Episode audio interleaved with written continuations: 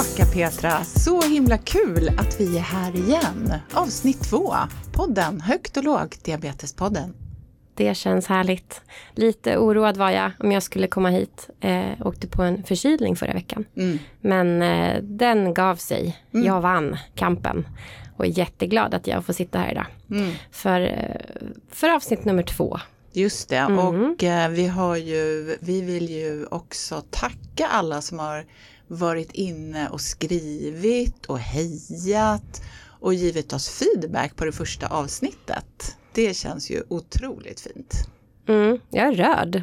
Det har kommit in så otroligt mycket fina kommentarer och små DMs och så. Mm. Eh, heja er och, och vad fint avsnitt och vilka trevliga röster och, och sådär. Så, vi är ju ruckisar så det kommer ju dyka upp en del. Det är, det är klurigheter som vi stöter på men, men det är ju himla fint att få sån där härlig feedback på första avsnittet. Då känner man sig liksom, ja, det här, det här vill vi fortsätta med. Det vill vi. Mm -mm. Och du, idag är ju inte vi ensamma här utan vi är ju eh, fyra stycken här i poddstudion idag.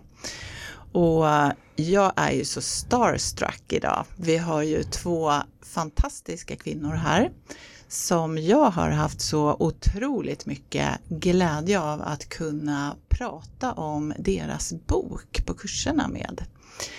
Eh, så vi har ju Mimmi och Isabelle här som båda jobbar som psykologer och eh, själva är föräldrar till barn med typ 1 diabetes och som har skrivit boken När livet svänger. Så varmt välkomna hit Mimmi och Isabelle.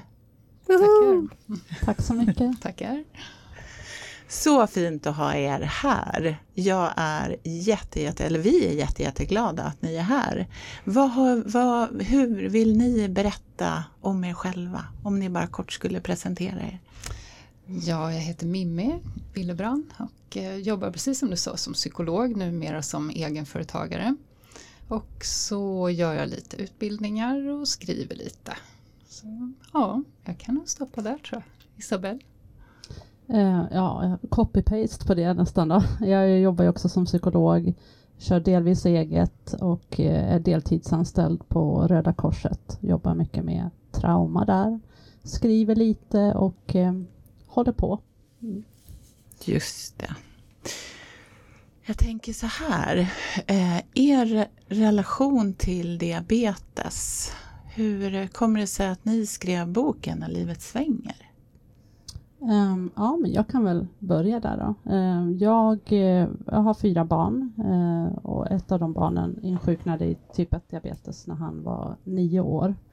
Och eh, vi åkte på diabetesläger och det var där som jag och Mimmi träffades. jag var ganska ny i, i det här och du hade varit med ett tag. Mm. Ja, jag har ju tre barn och två av dem har diabetes. Så att eh, vi hade varit med i svängen några år och när Isabelle och jag träffades så var det vårt andra barn då som fick sin diagnos och vi åkte på läger.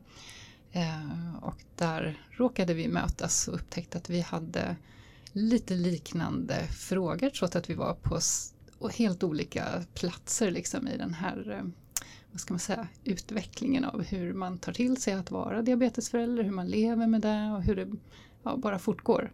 Eh, där Isabelle var nyare i den processen och jag redan var lite luttrad kan man säga.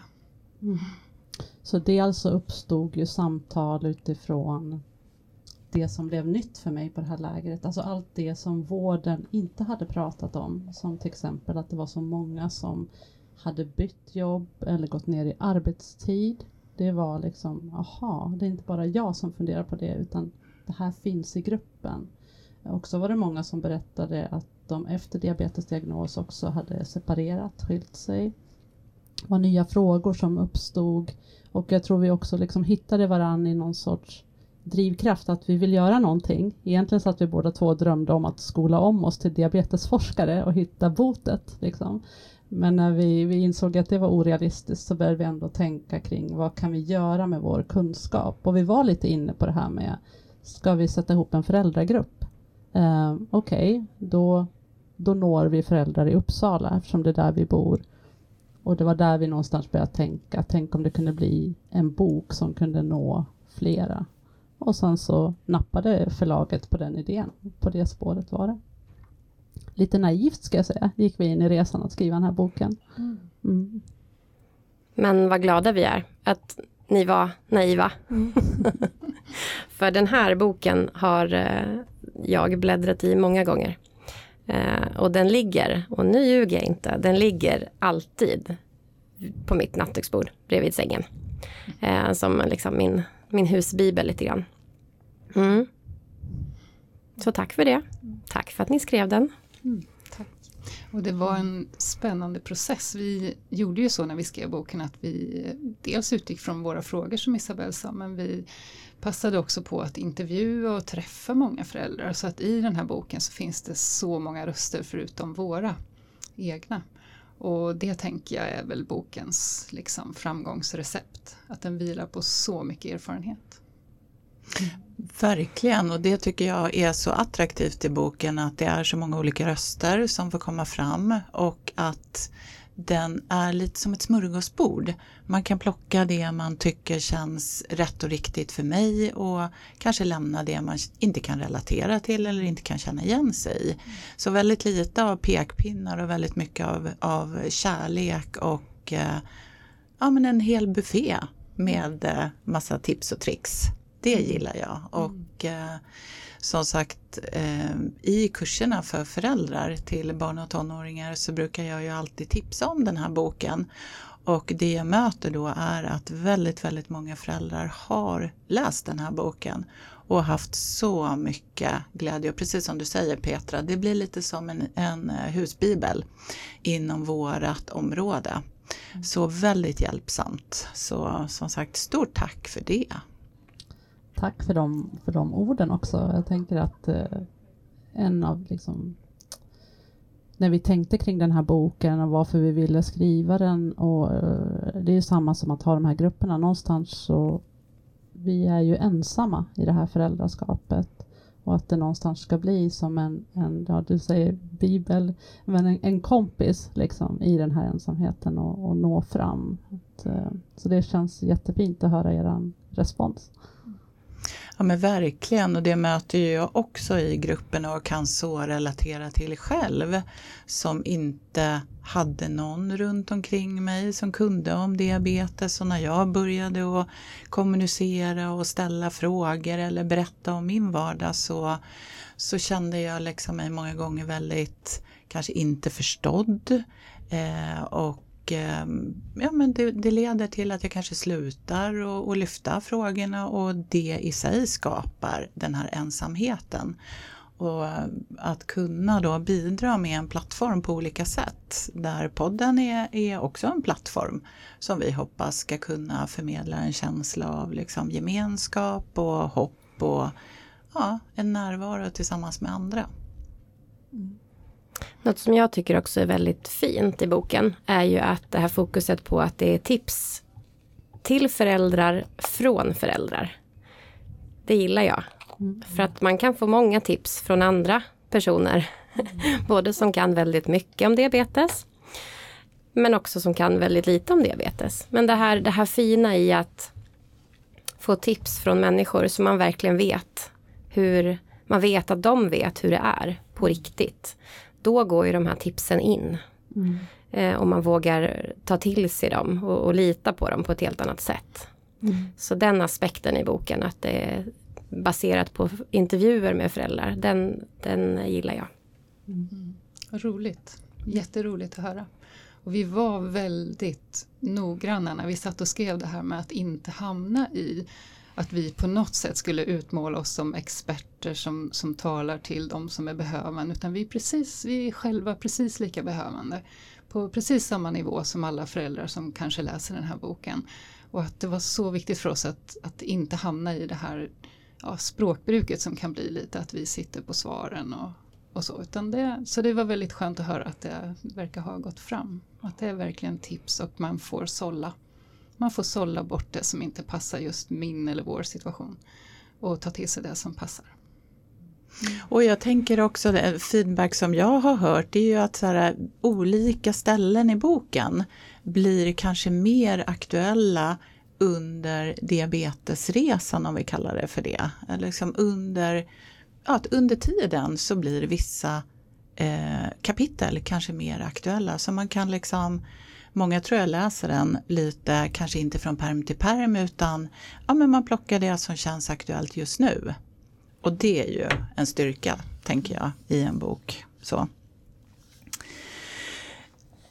Jag tänker ni som har mött så många eh, föräldrar också. Vad, vad, om ni bara skulle liksom tänka så vad, vad är det för utmaningar på ett generellt plan? Och det här är ju trixigt i och med att diabetes är unikt, vi föräldrar är unika, relationen till våra barn är unika. Men om vi ändå skulle liksom våga oss på och närma oss frågan, så vad, vad ser ni för generella utmaningar för oss föräldrar? Ja, vi har ju diskuterat det här en hel del och att eh, alltså någonstans grunden är ju att föräldraskap i sig är ju utmanande oavsett. Liksom. Men att diabetes kan ställa det här på sin spets på olika sätt. Och ett, någonting som vi ofta kommer tillbaka till det är ju det här att diabetes tar aldrig paus. Eh, det är någonting väldigt speciellt med vår situation. Det, det tar aldrig paus, det pågår hela tiden. Och att eh, om vi tittar till exempel kring stress och stressnivåer och så så kan man ju ibland undra, finns det lägen när en diabetesförälder har liksom noll stress? Eftersom det här är ständigt pågående. Och vad gör det med oss på sikt? Att inte ha de här pauserna. Mm. Det är väl en utmaning som jag tror att ni känner igen er i. Mm. Mm, verkligen. Mm. Och jag tänker både det att det pågår och att man måste svara på det, vara i en slags beredskap. Det är det ena. Och sen är det här den faktiska sömnbristen som många drabbas av som liksom alldeles oavsett den här beredskapen skulle tära på en kropp. Eh, och att det blir ett slags slitage, tänker vi oss om vi pratar utmaningar, som tar på oss eh, år efter år och man behöver ta det i beaktande på något sätt. Mm. Mm. Och om vi tänker kring stress, just den här både inre och yttre stressen då, att yttre stressen att när vi svarar på faktiska händelser. Liksom att okej, okay, nu var det en pump som la av eller som här innan vi började att jag inte fick kontakt med min sons sensor och liksom de här faktiska sakerna som vi behöver agera på. Eh, där vi behöver liksom ha den här beredskapen och agera. Men, men det kanske är mer problematiskt eller utmanande med den här inre stressen. Um, hjärnan är ju liksom hejdlös i hur den kan fantisera, oroa sig för framtiden. Och eh, eh, jag tänker på alla de här nästan händelserna som vi ju är med om som för någon som inte är diabetesförälder skulle vara en, en jättegrej, en jättestress men som på något bisarrt vis blir en del av våran vardag när vi inte får kontakt eller när man har cyklat runt i kvarteret och letat efter sitt barn och vad, vad är han, vad kan ha hänt och i de allra flesta fall har det inte hänt något. Men hjärnan har ju ändå löpt amok och vad den typen av stresssituationer gör med oss också på sikt. Att alltid befinna sig i ständig beredskap och ha olika lösningar på problem som inte har uppstått än, men som kan uppstå. Ja. Det är ganska sjukt när man tänker på mm. det här liksom planera steg, tio steg i förväg. Mm. Om barnet ska dra iväg på en liten enkel cykelutflykt eller gå på ett kalas. Eller eh, vara i badhuset med mm. skolan. Mm. Ja. Då, den, den den stressen över att inte veta vad som ska hända och vara beredd på att saker kan hända, den, är, den går inte att beskriva för någon som, som inte vet hur det är. Mm. Nej, exakt. Den är svårt att relatera mm. till det här ständigt pågående mm. mm. förrän man är i det. Och någonstans mm. i boken så beskriver vi oss föräldrar som eh, statister bakom scenen. Barnet får vara på scenen och ska få leva sitt liv fullt ut, få vara i den här pjäsen, blomma och utvecklas. Och där bakom är vi och roddar med allting mm. för, för, att det ska kunna få vara så i så stor mån som möjligt. Liksom. Mm. Ett, ett osynligt arbete på insidan som pågår som du säger. Och jag tänker också att vi använder oss av en annan bild där. Därför att vi lyckas ju inte alltid och det känns verkligen som, och vi pratade om det här lite innan, det känns som ett mission impossible. För att vi når inte riktigt ända fram alla gånger. Utan värdena blir lite höga, de blir lite låga. Det händer, sånt händer hela tiden i vårt liv med diabetes. Och det är kanske inte möjligt att nå den där perfekta liksom, nivån där vi känner att våra barn blommar och allting går bra och vi står där bak och skördar framgångar. Utan på något sätt så, så vi, lever vi med avvikelser hela tiden. Mm. Det är liksom vårt nya normala. Mm. Ja, jag kan relatera till det. Jag känner mig som Tom Cruise ibland. Man liksom duckar och man springer och man fightas och man gör allt. Um, för att fightas mot den här, mot den här sjukdomen och allt som, som det innebär och, och leva med den. Uh, och man svettas och man uh, är helt slut. För att sen bara liksom skaka av sig det och gå, gå in och jobba igen eller uh, eh, ta ett samtal. Alltså det, det, det är sådana tvära kast också. Eh, det är så galna situationer man befinner sig i där påslaget är enormt. Och sen ska man bara liksom skaka av sig det här och bli gå in i rollen som eh, bara Petra igen. Mm. Vi pratade ju här innan vi satte, satte igång och spela in om eh, en situation som, som jag har varit med om flera gånger. Eh, den här berömda studsmattan och den effekten som studsmattor har på blodsockret effektivt när man vill eh, få ner ett högt blodsocker men det kan också gå väldigt fort och det kan också bli väldigt, väldigt läskigt. Och en, en situation där jag eh, rusar ut till min dotter som hoppar studsmatta och hon är helt ovetandes och bara tycker att livet är härligt och det är underbart att hoppa studsmatta men blodsockret störtdyker och jag ser framför mig en katastrof. Eh, pular i henne druvsocker, tvingar i henne Festis, hon är inte törstig, hon vill inte äta men hon måste för att inte bli akut livsfarligt låg. Och sen löser vi den här situationen. Hon får sluta hoppa fast hon inte vill. Hon får äta saker hon inte vill äta. Och det slutar oftast i tårar. Och min stressnivå är skyhög. Men vi har löst situationen ytterligare en gång. Och sen när läget är så pass lugnt att jag kan gå in igen så, så gör jag det och sätter mig igen vid köksbordet vid den där koppen kaffe som nu har kallnat. Och sen så bara är det som att liksom, jaha, hände det där verkligen? Man går tillbaka till, till någonting som var innan den här tokakuta situationen. Och så ser ju våra liv oftast ut. Mm. Det är extremt, det är farligt, det är akut och sen så bara går vi tillbaka till liksom ruta ett. Mm. Men där var ju vi inne på det här stressen ja, ni får fylla i där. Mm. Ja, jag tänker hur viktigt det blir när jag lyssnar på din historia att vi verkligen kommer ner från den här stressen ibland. Om man tänker sig att vårt nya normala är att ha en viss förhöjning. Att den inre stressnivån är lite högre än den, är, än den var för oss själva innan och än den kanske är för andra människor.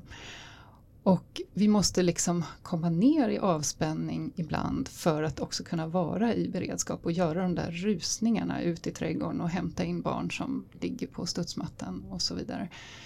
Um, och där tänker jag att det här bilden, jag kan se framför mig hur du går in där och tar den där kaffekoppen. Att där är det vi behöver, vi behöver lära oss där att faktiskt hitta till lugnet fast att det är väldigt svårt. Det är ju inte så att diabetesen tar paus, det vet vi ju. Utan den, den finns ju där och det kan komma en ny kris när som helst.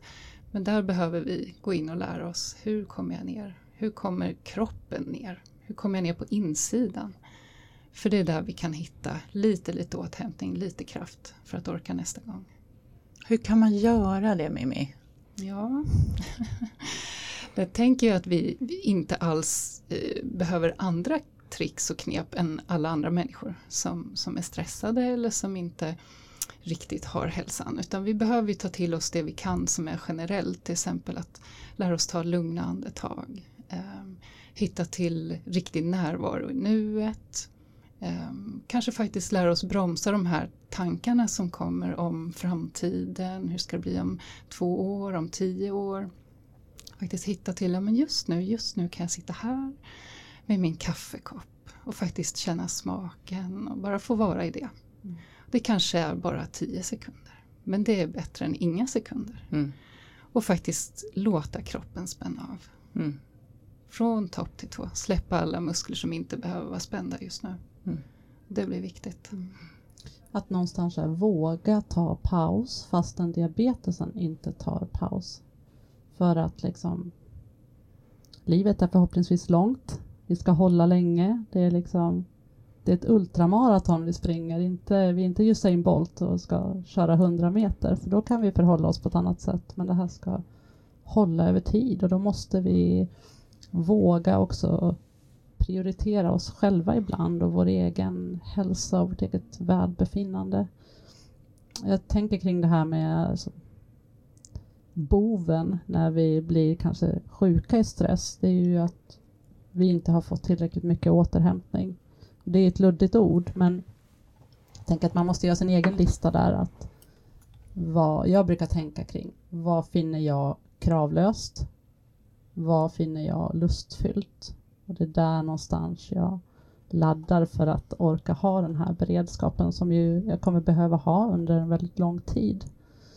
Så att man, om man funderar kring de begreppen och gör sin lista, att ja, det kanske är att sitta och dricka kaffe, det kanske är att ut och springa eller kanske verkligen inte ut och springa för det är kravfyllt. Kanske någon, alltså att man gör sin individuella lista där. Och bara att man funderar runt återhämtning, tänker jag, det är ju det första steget. Ni ger ju många härliga exempel på vad man skulle kunna göra. Eh, jag fick ett tips här i våras eh, från eh, någon som berättade om återhämtning som ett skogsbad. Alltså det ordet, skogsbada, är inte det underbart? Jag tog det med mig, jag tyckte det var så vackert. Och det beskriver ju precis det här som du är inne på Isabelle. Det är lustfyllt, det finns ingen prestation i det. För det handlar om att gå ut i skogen och möta skogen. Och det tog jag verkligen med mig och kände så här, men det, det där är ju en grej för mig. Mm. Det där är ju verkligen kravlöst, lustfyllt och väldigt återhämtande för just mig. Mm. Mm. Och det här måste bli personligt. Jag tror inte vi kan hitta de här exakta punkterna som hjälpsamt för alla utan vi måste få vara personliga och utforska men vad är det i mitt liv som skulle vara sådär lustfyllt och kravlöst. Mm. Det blir viktigt och mm. det kan också förändras över tid. Mm. För det kan komma en tid långt fram där kanske man har lite högre energinivåer och då får man plötsligt utrymme för annat. Så det här är ingenting som är statiskt heller för en enskild person. Nej, precis. Och där tänker jag att kanske också lite som ni också skriver om i boken, att dra ner kanske på ambitionsnivån i perioder. Jag kanske inte behöver vara med överallt. Jag kanske inte behöver tacka ja till allt. Mm. Utan att säga, ja men det är okej. Mm. Och backa hem ibland. Mm. Jag tänker att det är en utmaning just med diabetesföräldraskap och just för att vi har de här mackapärerna med siffror. Liksom som ger oss ett omedelbar feedback på hur bra eller dålig jag har varit som, som mamma. Då. Att, eh, det finns ju de här optimala siffrorna som ger mig direkt feedback på att nu har du gjort det bra. Fast som Mimmi har varit inne på att det går ju inte. Jag kan göra likadant, likadant idag som jag gjorde igår men med helt olika resultat. Och att det finns något farligt i att jaga den perfektionen. För att jag, jag, brukar tänka på det som två vågskålar liksom. och det här ligger i ena vågskålen. Men det behöver vara balans liksom. Om det blir på bekostnad av för stor bekostnad av min sömn eller min hälsa, min återhämtning, då kommer det inte hålla i längden. Eh, så ibland så behöver det här perfekta få stå åt sidan för att jag behöver få plats med andra saker för att få den här balansen. Och det här är ju jättesvårt. Mm, jag tänker också att den här perfekta alltså tanken kring det, den vågskålen brukar åtföljas av ganska ja, hårda tankar. Skärp dig, ja men lite till, ja men gå upp på natten, du kan väl fixa det här nu och gör bättre. Alltså det är ganska tuffa, pushiga tankar ofta. Mm. Uh, och de gör ju liksom ingen människa glad mm. eller gladare. Det är så där vi kan behöva dem ibland i riktigt tuffa akuta situationer. Då kan de vara hjälpsamma så att man får någonting jättesvårt gjort. Men sen har de liksom haft sin roll, de har spelat ut sin roll. Och vi mår mest dåligt av att umgås med dem. Mm. Så där kan det vara viktigt att fokusera på den andra vågskålen och vad finns det där? Hur låter det i mitt inre då? Och när jag tar den där koppen kaffe och liksom sjunker ner kan jag tänka vänligt, snällt, kanske lite varmt om mig själv. Och om min situation till och med. Tänk att jag reder ut det här varje dag. Mm, jag tänker på ett, ett eh, exempel från mitt liv där vi har ändrat lite på larminställningarna eh, och låter eh, vårt barn ligga högre till förmån för vår sömn. Och bara när jag säger det nu och även i ett sånt här tryggt rum med andra diabetesföräldrar så känner jag omedelbart en skam över det beslutet. Så att det sitter ju liksom hårt i oss på något vis. Att jag gör det mycket mot mig själv. Det är inte att det kanske kommer utifrån men att få fatt på det här och att ändå våga ibland ta den typen av beslut. Det är ju svårt. Mm. Ja, jättesvårt. Mm. Och jag kan så relatera. Vi har eh, nyligen varit på årskontroll. Eh, där vi då fick veta att vår dotter låg alldeles för högt i långtidsblodsocker, HbA1c. Och direkt så började jag klandra mig själv. Jag har inte gjort tillräckligt. Jag har inte varit eh, duktig nog att ändra på kvoter, eh, att justera, att fixa och trixa. Och vi blev ombedda att eh, göra om och göra rätt med små pekpinnar. Inte stora men små. Men för mig var det en stor pe pekpinne. Gör om, gör rätt och kom tillbaka om fyra veckor. Och jag tyckte att vi gjorde om, att jag gjorde rätt, att vi fixade och trixade. Och på återbesöket så hade det inte gått så mycket bättre ändå. Hormoner, eh, lite busig dotter som, som käkar saker utan att ta insulin för att hon är barn. Men det där återbesöket var fruktansvärt. För jag kände mig så misslyckad. Och ledsen. Och otillräcklig. Och eh, det är nu två veckor sedan. Och nu befinner jag mig i en, en väldigt knepig situation. Där jag är alldeles, jag är lite galen hemma. Vi måste fixa, vi måste trixa och jag håller koll och jag tjatar på min dotter och jag är liksom, jag är manisk för att vi ska få till de här värdena. Vi ska sänka det här långtidsblodsockret. Jag ska inte komma tillbaka på återkontroll i januari och få höra igen att vi inte ligger bra till. Den är jobbig. Mm, mm. Ja, verkligen. Verkligen. Jag tänker just att hur viktigt det blir att sådana här insatser inte får pågå under allt för lång tid. Tänk att okej, okay, ibland kanske man måste gå upp liksom i någon slags krisläge fixa och trixa och i bästa fall så lyckas man hålla diabetesen liksom lite i rummet mellan oss. Att, att det inte blir så att, att man känner att det är jobbigt i relationen till barnet eller att barnet känner att det är jag som inte klarar saker. Utan man lyckas hålla det lite ifrån sig. Men, men blir det under för lång tid och blir det upprepade tillfällen så, här, så äter det ju på en och också på relationen. Mm. Så det är tufft. Mm. Jag tänker vi är ju väldigt mycket inne på det här nu med, att, med prestation och att tänka good enough och att faktiskt våga släppa lite grann ibland. Hur kan vi jobba med den här självmedkänslan och compassion för oss själva? Vad, vad säger ni om det? Hur kan vi liksom ett, kanske påminna oss om att vi faktiskt ibland behöver göra det och hur kan det gå till? Ja, bra fråga. det är någonting jag själv kämpar med också. Um, ja, jag tänker vi alla kämpar ja, med det. Mm. Jag tänker att i det här föräldraskapet där vi också blir vårdgivare och administratörer, att vi blir mycket funktion, kanske på bekostnad av person. Um, någonstans att påminna sig själv om att man faktiskt finns. Uh, jag är en människa. Som, utöver det här föräldraskapet och att någonstans våga få släppa in det och att det får ta lite plats. Eh, och det kommer att väcka tankar. Är jag en dålig förälder som tar det här beslutet? Vi pratar ju om acceptans i boken där tror jag att man måste ha en acceptans för att ja, de där tankarna kommer att dra igång när jag väljer att prioritera mig själv. Då kommer jag att matas med tankar om är jag en dålig förälder nu? Gör andra föräldrar så här? De skulle säkert gå upp på natten i det här läget och så.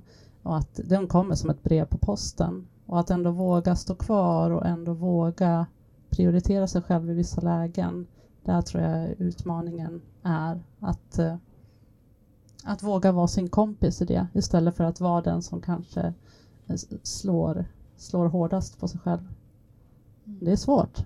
Jättesvårt mm. och jag, ja men verkligen. För jag tänker vi lever också som du är inne på, vi har det är de här siffrorna, det är lite liksom, det är nästan lite svart på vitt hur bra förälder jag har varit.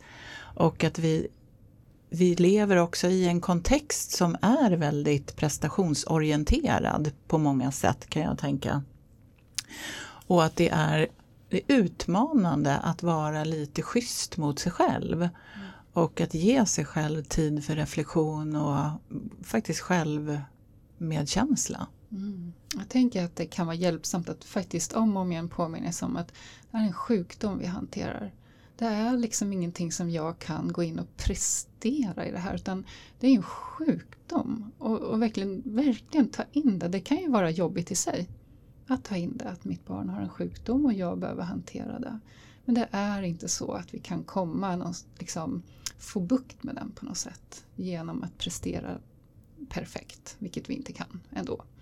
Utan vi behöver på något sätt, som Isabelle säger, acceptera att så här är läget just nu.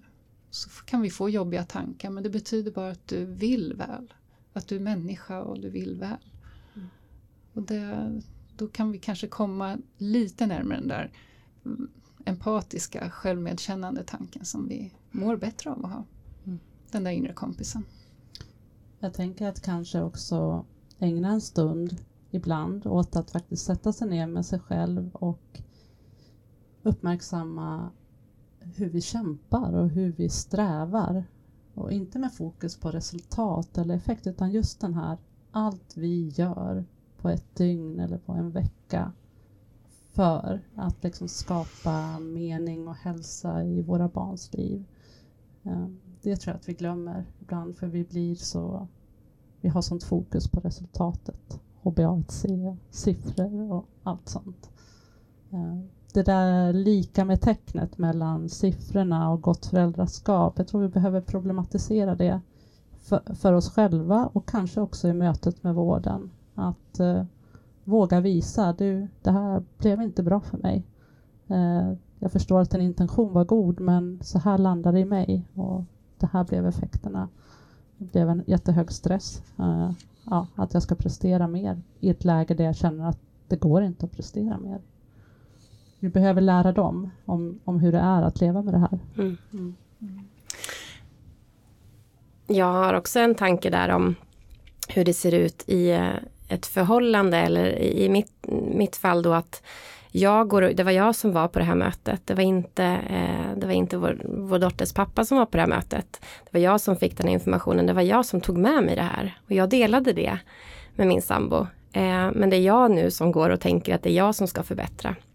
Fast vi är två om det här. Och det kommer vi prata om i kommande avsnitt tänker jag. Det här med relationen och, och liksom hur man kan få till en, en jämställdhet och att man delar på ansvaret och sådär. Men den är ju jättesvår. Men just det här med de här siffrorna och, och att jag nu var den som tog emot det här. Och att jag känner mig väldigt ensam i det. Att det blir min kamp då fast det är båda svår kamp. Men, men jag måste jobba med det här och titta som du säger här Isabella.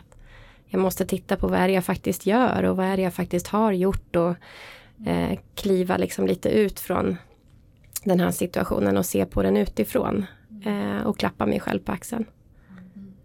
Där tänker jag också att det är viktigt att inte bli, jag bara hör hur du säger att då måste jag göra det här och så måste jag göra det där. Så tänkte jag oj. Det kan ju vara så också att andra behöver kliva in. Att vi inte bara kan säga så här, ja men om du gör lite mindre nu, då blir det ju som ett hålrum där. Utan den andra eller de andra som vi har i vår närhet kan också behöva vara proaktiva och kliva in. Så det är ju som allas ansvar och uppdrag i det här faktiskt. Absolut, jag tänker kring det här med jämställdhet och att det vi vet är att när vi blir föräldrar så får jämställdheten sig en törn. Liksom. Där, där ökar skillnaderna mellan oss. Um, och nu har jag inte sett någon forskning på vad som händer med jämställdheten just när man adderar diabetes då till föräldraskapet. Men jag har ju mina gissningar.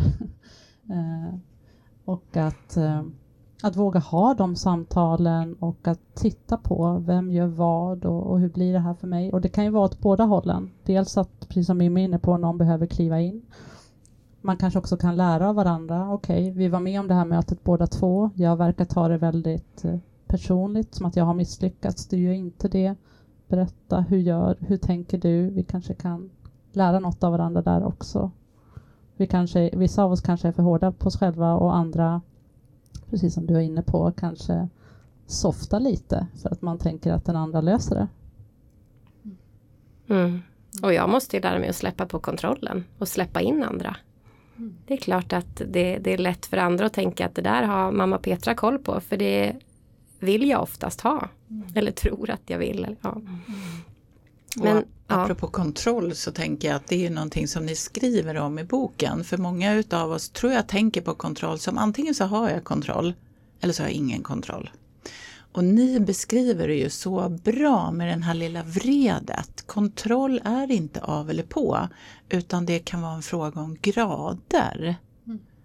Och bara det, att liksom tänka på det sättet tror jag kan vara väldigt hjälpsamt. Att vi påminner oss om att så här, jag kanske ska skruva ner lite grann. Och så som du säger Mimmi, vem kliver på då? Mm. Och kan jag ta hjälp utifrån? Finns det någon vän eller finns det några resurser, om vi kallar det för det, då, utanför familjen som faktiskt kan kliva på så att jag får sova en natt eller att jag får återhämtning och faktiskt kunna släppa mm. lite mer. Just det. Så det är, jag tänker också när barnen växer och givet och då om de utvecklas och mognar så kan man ju också i det där behöva släppa in att barnet tar lite, lite mer så. Men det, det där är extremt individuellt. När kan det ske? På vilket sätt kan det ske? Det finns absolut ingen färdplan som man skulle kunna kabla ut och säga så här gör man. Utan det är ju upp till varje familj faktiskt. Mm. Men det är ju viktigt det du säger där att när jag skruvar ner min kontroll då kan andra komma in, kanske även barnet tänkte jag. Mm. Um, vi kan ju också behöva umgås då med när vi skruvar ner kontrollen att det blir lite mer ovisst. Saker och ting runt omkring mig kan kännas lite mer osäkra och vi behöver vänja oss vid det. Precis som egentligen vet vi ju inte någonting om framtiden i vanliga fall. Och lika lite vet vi om diabetesen. Vad den pysslar med och vad den kommer ställa till med imorgon. Så att vi behöver också tillvänja oss lite, så här, bli lite vana vid, okej, okay, jag vet inte allt, jag kan inte kontrollera allt. Det är så det är. Och när jag släpper kontrollen då kommer ju tankarna. Okej, okay, alla de här äh, tänk om, det här händer och så vidare. Alla de här läskiga tankarna kan ju komma då i samband med att man kanske släpper lite grann utav kontrollen. Och då vet ju jag att ni är ju också ACT-orienterade. Hur, hur, hur tänker ni runt tankar där? Hur kan vi liksom med hjälp av ACT förhålla oss till tankar? Ja, eh, jag tänker så här att eh, de tankarna kommer att komma. Eh, det kan ju finnas en impuls där att försöka få kontroll på dem också. Att jag kan lösa det här eller jag kan stänga de här tankarna ute. Vilket ju oftast är liksom, det är en förlorad kamp. Utan okej, okay, nu när jag släpper kontrollen då kommer det komma obehagliga tankar. Det är okej, okay, de är obehagliga. De kan inte skada mig utan det är en del av att, att förändra det här beteendet. Um, och sen kan man ju också fundera på i samband med det här att när jag sänker kontrollen varför gör jag det? Vad är det jag vill vinna på det? Att sätta sig själv i kontakt med det som motiverar en. Och det kan ju till exempel vara att eh, i relation till mitt barn att jag vill inte hamna så mycket i konflikt och tjata om de här värdena utan jag vill att vi ska få in annan typ av kommunikation som handlar om vår relation mellan oss som människor. Eh, kan jag ge plats åt det om jag sänker kontrollen? Då kan ju, om jag får fatt i det och börjar aktivera den typen av beteenden så kommer det att uppmuntra mig att fortsätta för jag ser plötsligt vad kan jag vinna på att släppa lite kontroll.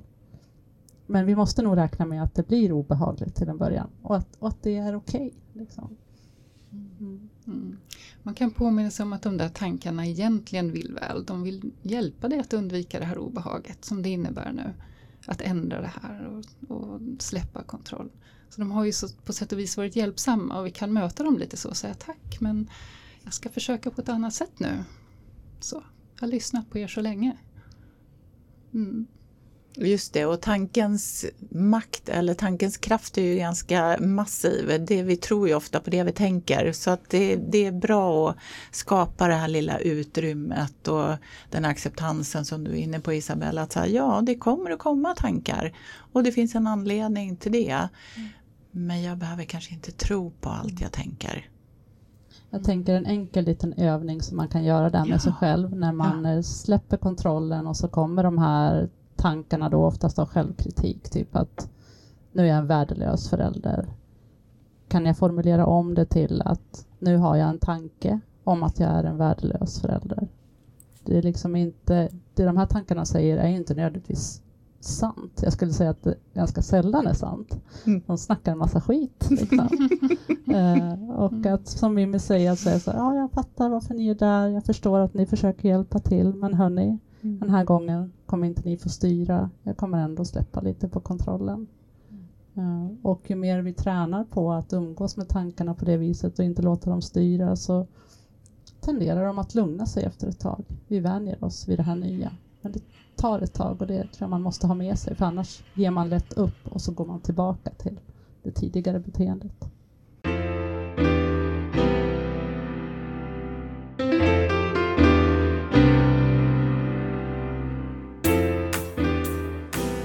Okej, nej men det är ju som Petra säger, vi börjar närma oss och eh, att dags att avrunda och innan vi gör det så vill ju vi har ju vi som en stående punkt i programmet i avsnittet eh, veckans topp tre kallar vi det för.